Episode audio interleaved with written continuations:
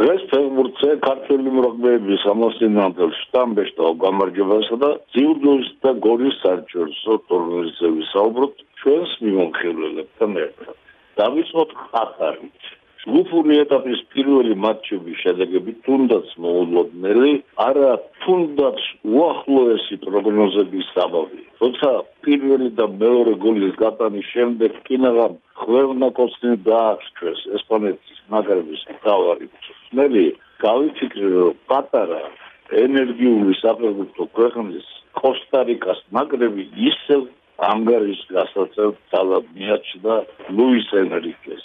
ვერ დაგიმალავ არ დამეწები ამ ნაკრების ორი გამარჯვება იტალიაში როცა ქოჯგუფში დაამარცხა ჯერ შოტლანდია შემდეგ შვეიცარია მანამდე მხოლოდ მინიმალური ანგარიში 0-1 წააგო ბრაზილიასთან და მასთან ერთად მერვე ფინალში გავიდა ქვეყნის ნაკრებს პირადად ფარველობდა კოსტა-რიკის პრეზიდენტი ახალგაზრდა პოპულარული პიროვნება ხოსე არიას რომელიც სოფლიო ჩემპიონატის დღეებში თუმცა აღარ იყო პრეზიდენტი, მაგრამ მაინც ჩამოვიდა იტალიაში.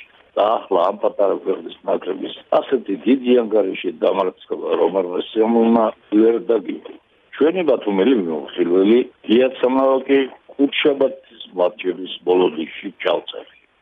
მოგესალმებით, მოგესალმები თქვენს რადიო მსმენელებს და საუბარს დავიწყებ სოფლიო ჩემპიონატით კატარში დღეს თავდება პირველი ტურის ყველა შეხვედრები და უნდა გითხრათ რომ ამ პირველ ტურში ყველაფერი ვნახეთ, ვნახეთ სენსაციას, ვნახეთ უხვი გოლები, გამოკვეთილი ლიდერიც გამოჩნდა თითქოს საფრანგეთის ნაკრებმა ძალიან კარგი შაბეჭდილება დატოვა. მაგრამ სენსაცია რაც სოფლიო ჩემპიონატის უდავო სენსაცია შეიძლება ჩაიწოლოს, ეს არის გერმანელების და არგენტინელების საგება. მე ვფიქრობ, რომ ინტრიგა რჩება ძალიან საინტერესო იმ გაგებით, რომ ეს გუნდები შემდეგ თამაშებში ალბათ ყველაფერს გააკეთებენ იმისთვის, რომ ჯგუფს მიღმა არ დარჩენ. იმიტომ რომ ამ სოფლიო ჩემპიონატმა ერთი რამ კიდეც დაგვანახა, რომ ფეხბურთის თამაში აბსოლუტურად ყველა ისწავლა. ყველა ისწავლა და შენების უფრო განათლებულები არიან და იციან არჩევენ ისეთ ტაქტიკებს, როცა ძლიერ მოწინააღმდეგეს შედარებით სუსტან უჩით მუცის გატანა და თუ გამარჯვებაზე თქვენ თვითონ დარწმუნდით რომ ლაპარაკი ზედმეტია. ლაპარაკია იმაზეც რომ ამართლებს ჩემპიონატი არ გაამართლებს, ნუ მე ვფიქრობ რომ ამაზე საუბარი ჯერ ნაადრევია, მაგრამ ჩემი აზრით ის რომ ფეხბურთელები კარგ ფორმაში არიან და უფრო დინამიურები არიან, ნუ ამას უფრო და უფრო დავინახავთ და ჩემი აზრით შემდგომში გამოჩნდება. მე ვფიქრობ საუკეთესო თამაშები წინა უფრო და უფრო საინტერესო გახდება ჩემპიონატი და ალბათ ბრაზილიელებსაც ნახავთ საქმეში. თუმცა არც თუ ისე სუსტ მეტოქესთან სერბეთის ნაკრებს ეთამაშება და მე ვფიქრობ არ იქნება ეს მათთვის იოლი თამაში. თუმცა ვფიქრობ რომ იმ შემადგენლობით რა შემადგენლობითაც ბრაზილია ჩასულია კატარში ჩემი აზრით ყველაზე გამოკვეთილი ფავორიტია. ნუ მე ამას სას მოგახსენებ, მაგრამ არ უნდა გამოვრიცხოთ, რაც მე გადავხედე პორტუგალიის ნაკრები საოცრადლიერი ფეხბურთელები ხარ. ნუ გერმანელები თავისთავად იცით, რასაც წარმოადგენენ და შემოადგენლობით მართლაც მიუხედავად იმისა, რომ დამარცხდნენ, საოცრად კარგი შემოადგენლობა ყავდა და ასევე ფრანგებს, ინგლისელებს, ნახოთ, დაველოდოთ დასკვნების გაკეთება, მე ვფიქრობ, ნაადრევია, მაგრამ მე ვფიქრობ, რომ ჩემპიონატი ძალიან საინტერესო იქნება. და მინდა ორი სიტყვა გითხრათ ეროვნულ ჩემპიონატზე 26 რიცხვი შედგება. მე ვფიქრობ, საჩემპიონო თამაში, ორი თამაში, როცა ბათუმის დინამო გაგრა თბილისის დინამო წყალტუბოში შევარდენს დაუპირისპირდება. მოგეხსენება შევარდენი ევროპის აგზურისთვის იბძვის ევროპის ლიგის აგზურისთვის და მას გამარჯვება წყალივით როგორც იტყვიან ჭირდება და მე ვფიქრობ აქაც ესეთი კომპრომისო ბრძოლა იქნება და აქაც ეროვნულ ჩემპიონატში საინტერესო თამაშები გველის. ამიტომ წარმატება, რა თქმა უნდა, ქართულ ფეხბურთელებს და სოფლიო ჩემპიონატზე როგორც თქვა, მოძოს უძლიერესმა. ჩვენ კი ბევრი კაი თამაში გვენახოს. კარგად გძანდება და დიდი მადლობა წარმატებები ყველას.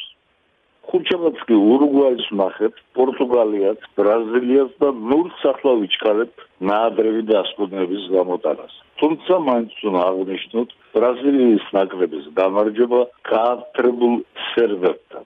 ვიკი ახლა ურჩევ ქართული ფეხბურთის თაყვანის წევრებს რომ შაბათს 26 ნოემბერს ჩვენი ფეხბურთისათვის მოიცალონ და ნახონ წყალტუბოს სამგურალისა და თბილისის დინამოს ხოლო თბილისში გაგრისა და ბათუმის დინამოს შეხვედრები რომლებიც საქართველოს ჩემპიონს გამოავლენ რაგბის დროს მოვიდა როგორც იცით რეზონანსული იყო საქართველოს ნაკრების გამარჯვება უელსში და ახლა მათის ნიუანსებს ჩვენი მომხიბლელი საქართველოს დამსახურებული ძნელი თემურ პენდიაშვილი გაიხსენებს.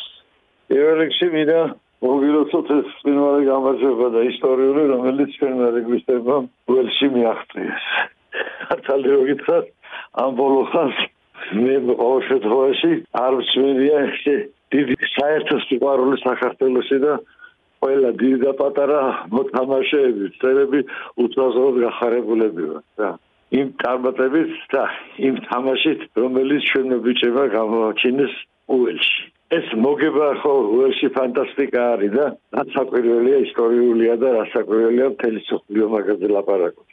მე მინდა ხალხი გავუსვა იმას რომ მთელი ჩვენი გუნდი, მთელი შემადგენლობა, მწნელები, მოთამაშეები იყვნენ ისე მობილიზებულები, ისე კარგად ხონდათ გაანგარიშებული თითოეული ნაბიჯი და იცოდნენ რომ უნდა მაქსიმალური ძალის ხრევა დაედოთ ამ შედეგისთვის მიაღწიოს და ამ დროს უნდა იყო თან ფრთხილი და ძალიან ძნელი აი აქ წონასწორობის დაცვა როცა თელ შესაძლებლობებს ამჟღავნებ რაღაცაში და თან სიფრთხილესაც არ ივიწყებ. ის სტრატეგია რომელიც აირჩიეს ჩვენმა მცდელებმა. ვამბობ რომ ძნელი გადასაწყვეტი იყო იმიტომ იყო ძალიან საფრთხილო. გააკეთებდეთ თუ არა და ძალიან მომწონს მე სამბავი რომ შეძლეს ბიჭებმა რა მცდელებსაც მათ კარგად შეაფასეს გუნდს რა შეეძლო და ბიჭებმაც მაქსიმალურად გამოიყენეს ეს თავისი დიდი პოტენციალი რომელიც ქართველებს აქვს რა და მე გახარებული ვარ რა ქართველებმა მივახწიეთ ისეთ ქალაქში სადაც ზელანდია და ავსტრალია რო ჩადიან იმათ არა აქვს გარანტია მოგების. ოლერსის ნაკრები სოფლიოს ყველა ნაკრებთან თამაშობს თანაბრად შეიძლება აგებს ზოგ თამაშს ზოგს იგებს მაგრამ როგორც ტოლი ტოლთან ისე თამაშობს და შეხვედრაში რომელიც ამ ბოლო ხანს იყო ჩვენ ქართველებიც გავედით იმ ევრბიტაზე, სადაც როგორც სწორი და ტოლები ისევე თამაშეთ ამ გრადს და მე მგონი ძალიან გახარებულები ვართ რა. ეხლა არ არის მაგის დრო შეიძლება, მაგრამ ეიფორიაში არ ჩავარდეთ, იმიტომ რომ გადამწყვეტი ბრძოლები წინ არის და მე ეს ვიცი რომ ძალიან და კარგი ხელმძღვანელობა ყავს, ბიჭები ძალიან კარგები არიან და აი ველოდებით რომ თავარ თამაშებს რომელიც სოფლიო ჩემპიონატზე დაიწყება და რომელიც ახლავთ 10 თვის შემდეგ არის იქაც გამოვიჩეთ თავს და იქაც ვაჭერებს სოფლიოს რისი უნარი გვაქვს აქ არ არის მარტო თამაში ლაპარაკი რა აი მთლიანად არის ყველაფერი. მობილიზაცია განწყობილება რომელიც უნდა შეინახო რაც დიდია სიდიდე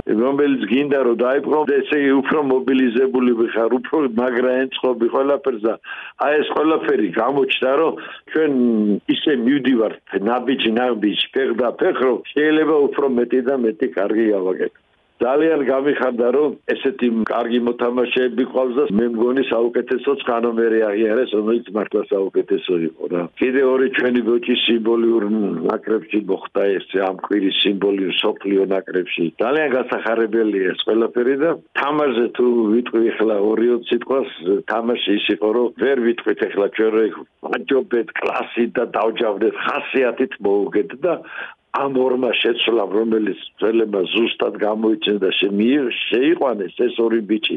მე ვამბობ პირველ და სამ ნომერზე რა.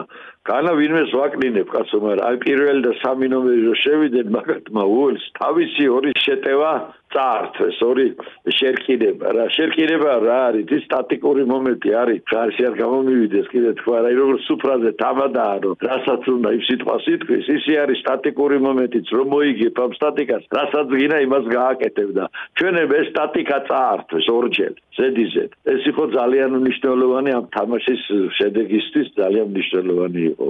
უსურვოთ სულ ყველას ჩვენ ჩვენ თავს უსურვოთ და ბიჭებს უსურვოთ რომ ესეთი გამარჯვებებით გაგვახარონ შემართებით თამაში უსურვოთ მომავალ სეზონში ჩვენს რეგბისტებს და კლუბ დაუბრუნდეთ გორს რომელიც როგორც წესი დიდი ძიუდოს მოლოდინშია. ძიუდოს საერთაშორისო ფედერაციის კომენტატორი, სპორტული ჟურნალისტი გიორგი ჩანიშვილი.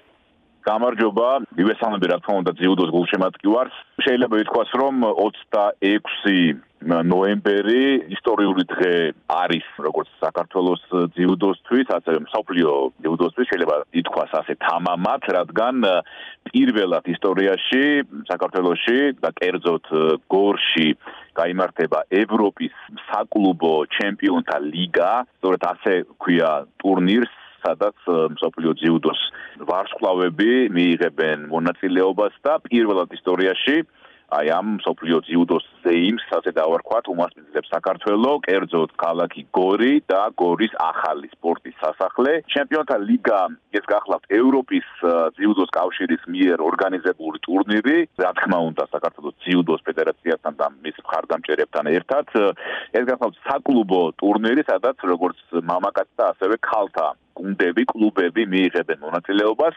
ჯამში სულ 15 კლუბი მიიღებს მონაწილეობას, მათ შორის 3 ქართული კლუბი, 6 ფრანგული, 2 ესპანური და ასევე ბერძნული, თურქული, ასევე სერბეთის ერთი კლუბი და პორტუგალის ერთი კლუბი. თავარი არის ის რომ სოფლიო ძიუდოს ნამდვილი ვარსკვლავები ჩამოდიან და უკვე გორში იმყოფებიან ისინი. მართლა ერთად რა თქმა უნდა თუნდაც იგივე სოფლიოს ორგზის ჩემპიონი უკრაინელი დარია ბილოდიდი აღიარებული ვარსკვლავი არის ის ძიუდოსი ოლიმპიური თამაშების პრიზიორი გახლავს. მოქმედი ჩემპიონი სოფლიოსი დავლად ბობონოვი უზბეკი ყოფილი მსოფლიო ჩემპიონები სერბი ნემანია მაიდოვი თუნდაც იგივე საიდ მოლაი ახლა აზერბაიჯანის სახელით გამოდის მსოფლიოს მრავალგზის ჩემპიონი და ოლიმპიური თამაშების ჩემპიონი კლარის აგბენენუ, ფრანგი ძიუდოისტი, ჩვენი نيكოლოს შერაღაძეშვილი, რომელიც ესპანეთის სახელით გამოდის ორგზის მსოფლიო ჩემპიონი, ის მონაწილეობს ასევე და ნუ ბოლოს რასტავარია მსოფლიოს 10 გზის ჩემპიონი, 2 გზის ოლიმპიური ჩემპიონი ინდივიდუალურ სათვლაში და გუნდურში ასევე ოლიმპიური ჩემპიონი ფრანგი ტედი რინერი, მსოფლიოს იუდოს ლეგენდა. რომელიც პირველად იმყოფება საქართველოსში და აი სწორედ მისი ყოფნა არის თავარი ხიბლი აი ამ საკლუბო ჩემპიონთა ლიგისა, ასე რომ ტერიტორიების პირველად ჩამოვიდა ის საქართველოსში და სწორედ გორში იასპარეზებს. ასევე რა თქმა უნდა, ქართული კლუბები დავასახელეთ, სამი ქართული კლუბი მონაწილეობს ჩემპიონთა ლიგაში. ესენი არიან Golden Gori, Nebrzoli და Area, ესეთი კლუბი.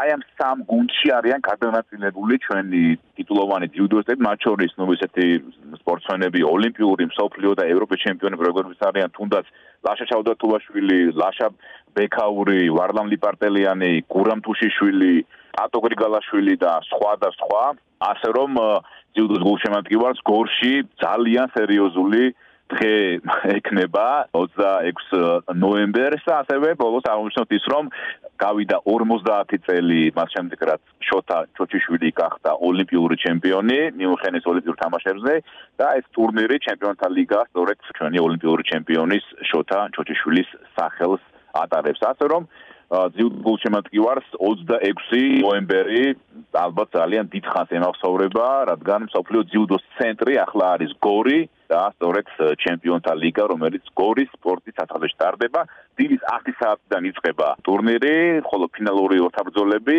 შეხვედრები უკვე საღამოს გამართება. ასე რომ ძიუდო გორში, ფეხბურთი ყატარში, სპალტუბოსა და თბილისში.